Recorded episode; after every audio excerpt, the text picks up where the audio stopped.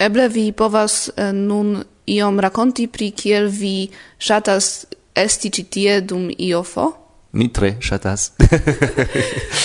mi... Tre konciza respondo. mi povas prilongigi ĝin. Mi, mi tre shatas esti ci tie, char uh, eh, do esas la dua foio kiam uh, la organizantoj de IOFO invitas min por fari concerton, che mi vere tre apresas tiun teamon, la etoson de tiu rencontigio kai mi tre apresas ilian shaton kai fidon al mi kiel artisto tio estas vere tre giuinda. Kai compreneble Italujo estas mirinde bela. Ciam estas iomete el revige la vetero. Ĉar estas ekzakte la komenco de printempo kiam ankoraŭ ne vere belveteras eĉ ĉi tie en la tute suda parto de Italujo tamen estas hodia sufiĉe bela suno, ĉu ne? Sed ni, ni sendas tiun sunon al Polando. Ili bezonas ĝin. mi sendas ankaŭ iomete en Parizo. Ĉu tie estas ankaŭ neĝo, ĉu vi scias? Estis neĝo meze de marto, eble. Komence de marto estis, jes, tre... Nun mi pensas ke ne plu. Mi esperas. Kiujn okazaĵojn vi planas partopreni poste? Do mi estas invitita por fari koncerton en eh, la Itala Kongreso, kiu okazos tute proksime de Sanremo, do reen en Italujo, kaj en la renkontiĝo Oro en Hernusando en Svedio. Do tio estas la du nurai certezoi, Do, oro casos septembre se mi ne fusdiras. Kai eble, se mi havos energion, mi parto prenos en aliai rencontigioi, se versaine ne, por ci somere. Do, mi sonjegas fari concerton dum Ioko en 2014 en Brasilo. Ti estas multaj esperantistoj, ĉu ne? Yes. kaj uh, niaj aŭskultantoj ankaŭ. Mi pensas ke ti estas la plej multe da aŭskultantoj. Sed Brazilo estas pli granda do.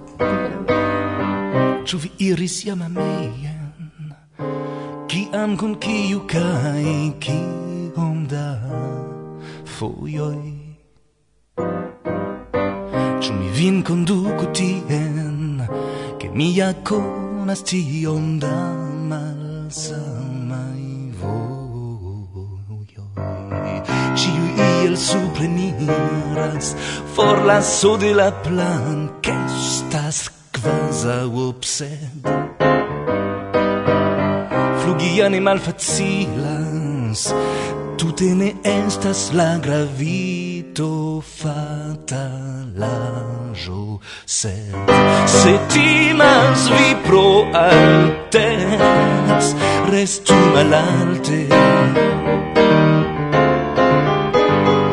vos vemos en exaltes vi peso sur asfalte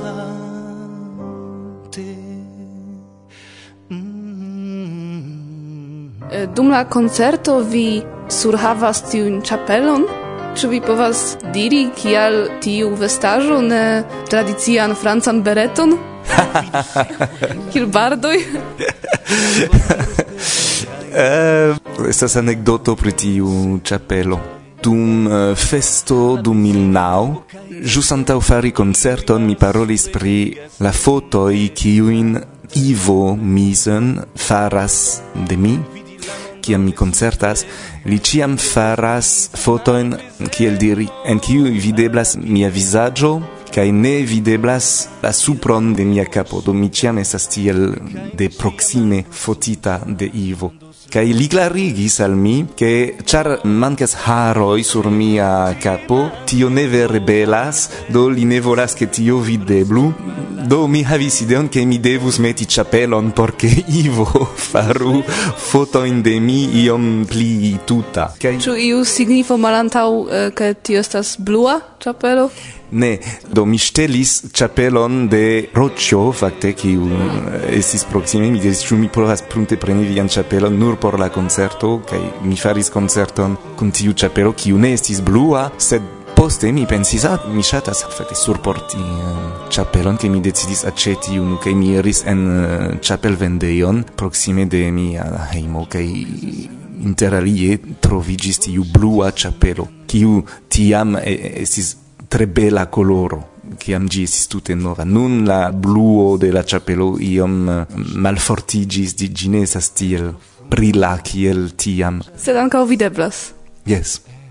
kai mi shategas gin ĉar kiam mi surhavas gin et en la strato ocasas ne malofte che homo diras ah vi havas belan chapelon che homoj rigardas min iom mire kai uh, eh, mi, mi ŝatas tion mi sentas ke mia simpla chapelo donas gioio al homo ki kiuj rigardas min do yes mi ŝatas tion yen jen ĉio. Estas tutte ne tradizia afero.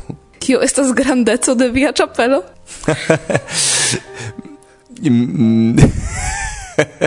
mi ne memoras. Eh, eh, mi, mi tute ne memoras. Mi nur scias ke ĝi estas iom tro malgranda por mi Char mi stulte pensis che estas same pri la shuoi che des pli oni portas gin iu pli gi adaptigas al via mm, um, grandezzo do mi pensis che gi iom pli grandigios sed facte ne.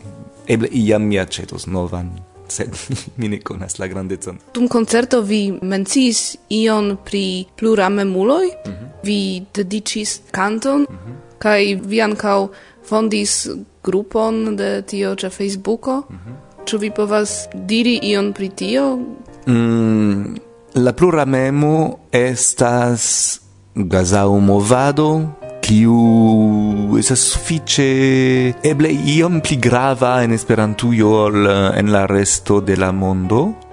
Kaj mi ŝatas tiun ideon Por mi plura memo estas eh, simple permessi a accepti che eblas ami plurain homoin che uh, eh, voilà jen pardonumi per la france uh, Do mi spertis quelcain uh, eh, rilata in al tio, pro tio mi verkis canzonon amurin, simple estas messaggio al persono kiu amas min kaj kiun mi amas kai kiu amas ankaŭ iun alian kai mi simple desiras diri sentu vin plei libera ami tiun trian homon. Tio estos pli bone por ciui eĉ por mi. Jen la messaggio Do, mi creis la Facebook pagion grupon de la mm, esperantistai eh, pluramemuloi, ne char mi desiris vivigi tiun movadon, sed char simple mi constatis che mi rencontis plurain homoin ciui estas interesitai pri tio, cae mi sentis che neniu audazas crei ilon, do estis jus creita dissend listo, de esperantistoj kiu celis simple kunigi pluramemulojn esperantistajn kiuj deziras organizi renkontiĝon na renkontiĝon plurameman do mi pensis kial ne krei facebookan paĝon Kai mi crei gin, sed mi ne vere desiras ne previvigi gin au ionain. Mi ne sentas min, kiel diri, um, ideisto pri tio. Tio ne, ne tiom gravas al mi. Mi stias che quelcae homoi subtenas pluramemon same kiel oni povas subteni Esperanton. Por mi ne estas tiom subteninda ideo. Gi ne tiom gravas al mi. Nur mi shategas la malfermezon kiu gi ebligas. Ciu foie ciam oni forigas barilon, mi sentas min pli bone, cae La plura memo estas movado kiu forigas la barilon ke vi amu nur unu homon dum unu periodo kaj vi nur rajtas post iom da tempo diri mi ne plu amas vin kaj nun mi amas iun alian kaj tio por mi estas tre malliberige.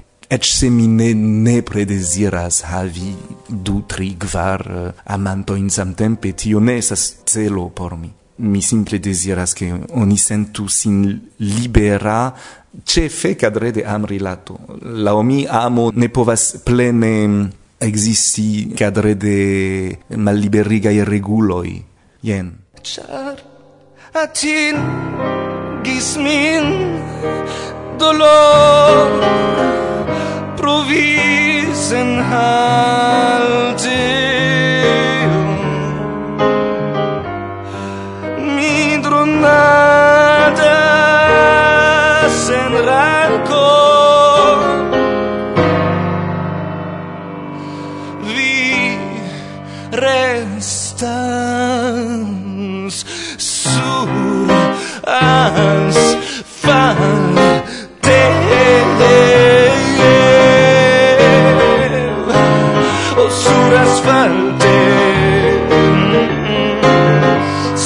asfel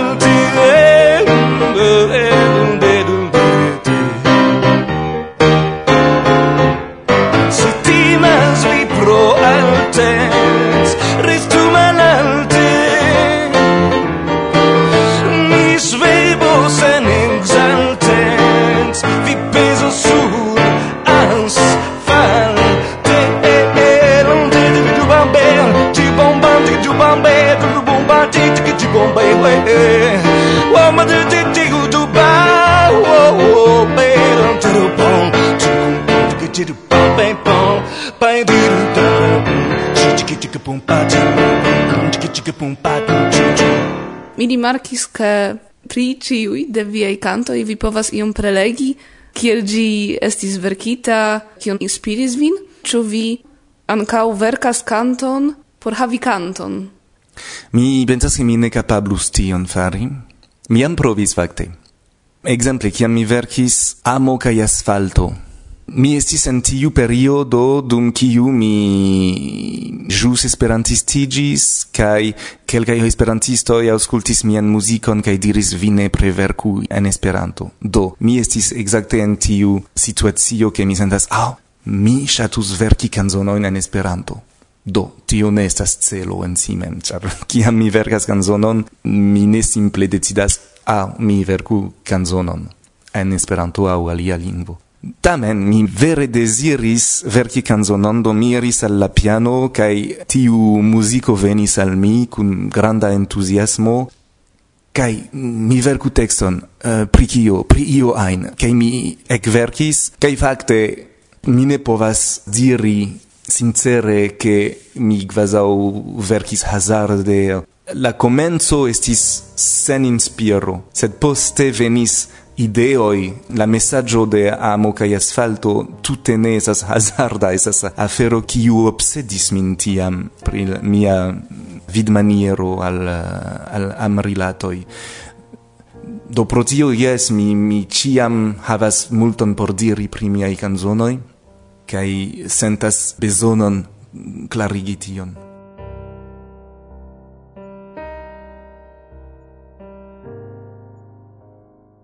Vi ofte verkas tradukojn de kantoj, kaj ĉu eble okazas, ke iu diras al vi, a, faru tion, kaj ili donas al vi kanton, pri kiu oni pensas, ke taŭgas por vi? Jes, okazas. um... Kaj ĉu vi faras tion? Mm, ne vere, ĉar... Ĉu vi povas diri, ĉu iu el viaj kantoj estis farita tia maniere, kaj iu diris al vi, faru tion. Neniam okazis. Do eble to jest bona mesaĝo por homoj por ne proponi al vi kantoj. ne, ĉar povas na, simple eh, por ke mi ne traduku, sed adaptu tio estas tre malsama, adaptu kanzonon al Esperanto, mi simple bezonas ŝategi ĝin. Char mi ne estas kiel, exemple, mia amico Silcio, kiu ŝategas adapti canzonoin, compreneble li adaptas canzonoin kiuin li shatas, eh, almenau iom, sed li ancau shatas nur la activetson adapti canzonoin. Do, ofte ocasis che mi iris al li, che diris, ciu vi povas adapti tiun canzonon, che li faras. che li shatas tion fari. Sed kiam estas canzono exemple cium mi vere vere shategas, mi ne diras ĉu vi povas adapti ĝin. Mi mem adaptas, kaj tio estas laborego iom aĉa, kiu daŭras plurajn tagojn kaj Do ne, ne mi ne mi ne volas malcuragigi homo in proponi che mi adaptu kanzonojn, ĉar eh, povas esti che ili proponas canzonon al mi un mi hazarde yes, chategas, sed tio neniam ocasis, gis nun. Eh, vi ancau interesiĝis pri ekologio? sed ĉu nun pro muzikaj projektoj ĉu vi havas tempon kaj ĉu vi iel agas en tiu ĉi kampo Ecologio por mi estas antau cio viv maniero kai mi iu sense agas pritio per de miae eh, franca ecologia i uh, eh, spectacloi. Tio estas ke mi plu activigas por presenti tiun spectaclon en la Franza, estas spectaclo kiun mi verkis pritio kiu baldau eh, havos duan parton temas pri la uh, chansons issues de l'agriculture biologique, canzonoi devenai de ecologia tercultivado. Gi nun havos du partoin, la unua parto temos pri tio kion oni nomas alarmismon, Tio estas ke en la ecologia movado oni taxas kelkajn homoin ke ili estas alarmistoi tio esas che ili shatas diri ah estas katastrofo estas la fino de la mondo ni devas reagi nun a neniam. Do kiam homo parolas tiel homo diras vi estas alarmisto mi ne aŭskultas vin. Kaj ankaŭ ekzistas homoj kiuj estas utopistoj. Do tiui homoi diras, cio eblas, ni povas fari tion, cae tion, cae vidu existas proiectoi ciui montras che tio funkcias kaj ni povus konstrui la tutan mondon, la tutan sociedon laŭ tiu modelo, kial ne fari. Do, al tiui homo oni diras, vi estas utopistoi, ni ne auscultu vin.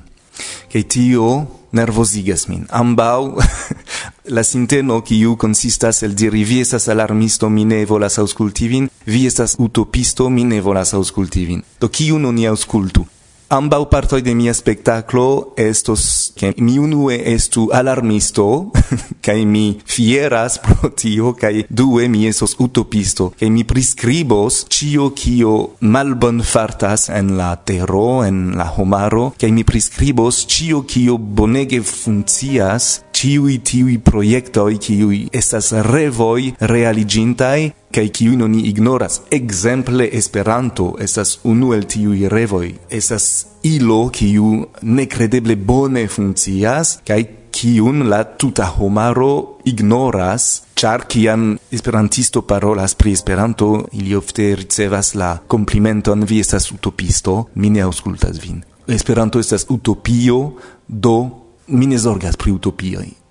Vi ne zorgas pri utopioj, tio signifas vi ne zorgas pri pensi la estontecon kaj vi ne permesas al vi havi belan vidaĵon al la estonteco, do compreneble se vi ne permesas utopion, la mondo ciam restos malbela kiam gi estas nun se vi ne shatas gin. Do jen la dua feroi, kiun mi volas liberi che oni povu esti alarmisto kai utopisto ambaŭ necessas laŭ mi. Eble vi ankaŭ volas saluti aŭskultantoj fine de la intervjuo. Mi salutas ciuin auscultantoin eh, de Varsovia Vento, mi salutas Irek, kiu devis esti ĉi tie kun ni kaj pro minesias kiu kialo fakte ne cestas gendo Irek uh, mi ne scias kiam mi renkontiĝos vin certe eh, dum jes eble venont eh, decembre mi mi ne estos en Eŭropo sed ankoraŭ ne certas. Do saluton al ĉiuj varsovientanoj. Dankon pro la intervjuo. Vi kiun mi vane provas envulti vi kiu ververe igas min stulti vagi preter voglie vinaccio in en gluti veĉ vi tutte ne vidas. Mia namon por vi, ciu vi? Mi ciu momente miras pro la miraĉ de la milda aspecto de via visage mamma mia no mal benita avantage movu la mano al mi se vi ne estas nur misticaĵ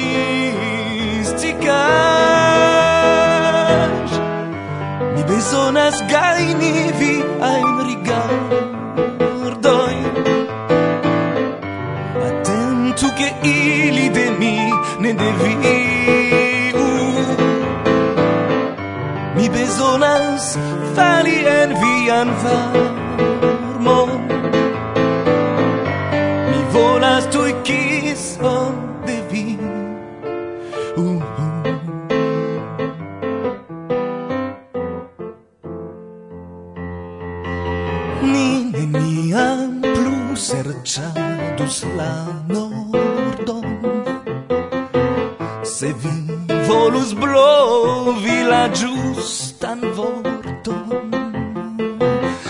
malvarmo mi ne plus sentus. La morton, ĉu ni spertu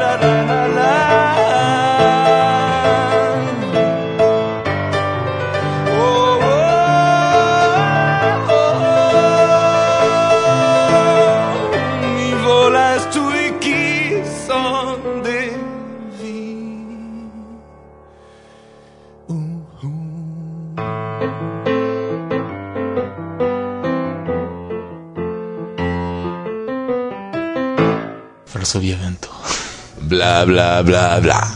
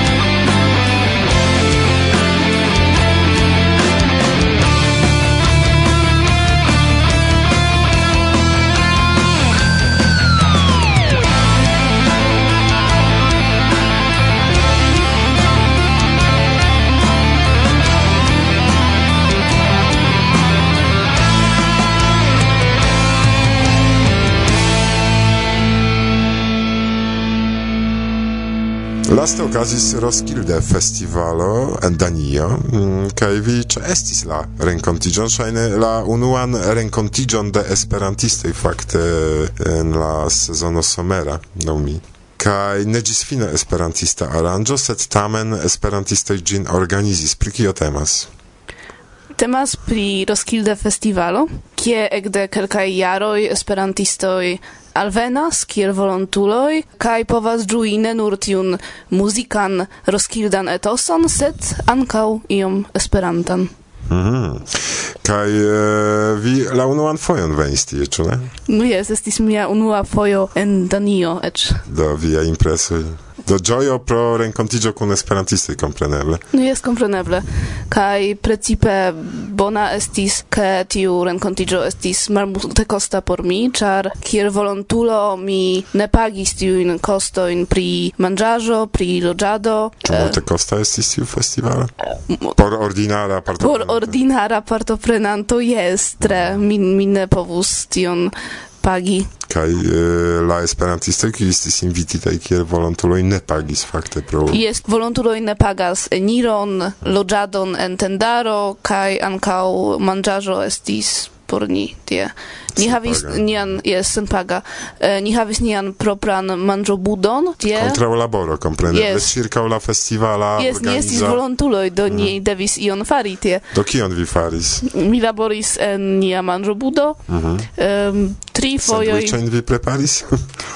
ne, ni havis uh, du tipoj de manĝaĵo, ni havis supon kaj alia manĝaĵo estis pli kiel tagmanĝo kai ankau Kaj ankaŭ e, nia teamo povis manĝi en nia budo e, sen pagi, kompreneble. Uh -huh. La impresio generale, do vi preparis homoj, faris ion, ŝajne staris ĉe enirejoj kai kontrolis homo in ne la alia Do no, estis du tipoj de, de laboro, uh -huh. estis laboro en manĝobudo, do pri prepari e, kaj vendi tiujn manĝaĵojn, veganaj manĝaĵojn, kai estis alia laboro ĉe la pordo, kie oni kontrolis homojn. Kaj la plej memorinda impreso de la festivalo por vi? Mm, al la festivalo venas vere multaj bandoj, estas kelkaj scenejoj tie kaj estas tiuj tre konataj bandoj, estis ekzemple Slipknot, Rihanna, Metallica, Kraftwerk. Metallica. Kio? No, no, no, no, daŭrigu. Um, sed ankaŭ estas multaj nekonataj bandoj do tiuj prilokaj, uh, do danaj kaj svedaj eble finaj. Kaj mi pensas, ke ĉiu povas trovi ion por ĝui. To ja vi scias ke Roskilde festivalo estas organizita ne de esperantistoj, sed esperantistoj kiel volontuloj povas tie helpi ĉe organizado de la tuta aranĝo, kiu ne estas esperantista, temas pri muziko. Jes kaj ankaŭ eh, organizantoj de Roskilde estas mi pensas tre agrablaj por volontuloj, ĉar ni eĉ povis eniri tiun ejon nur por volontuloj, kaj tie estis varma teo, varma eh, kafo, ĉio senpage, no, kaj ni povis ankaŭ uh, apartajn toĉemizojn kaj eĉ ĉapelojn. Ni havis apartan uh, brakbendon por uh volontuloj, sed tiuj kiuj laboris en manĝobudo havis toĉemizon kaj ĉapon uh precipe faritaj por ni kun nia nomo Esperanto mol. Ĉu vere? Yes. To uh, valoris veni? No jest, certe. Ĉu vi rekomendos al la aliaj homoj aliĝi al Roskilde Yes, kaj mi pripensos veni en venonta jaro. Ĝuste. Yes. To salutu vien geamikojn, kiujn vi ekkonis dum Roskilde, kaj kiujn vi konas, kaj... Yes, saluton al ĉiuj, kiuj venis kaj povis ĝui nian Roskildan etoson. Pri Roskilde Festivalo rakontis al vi. Agata. Bla, bla, bla.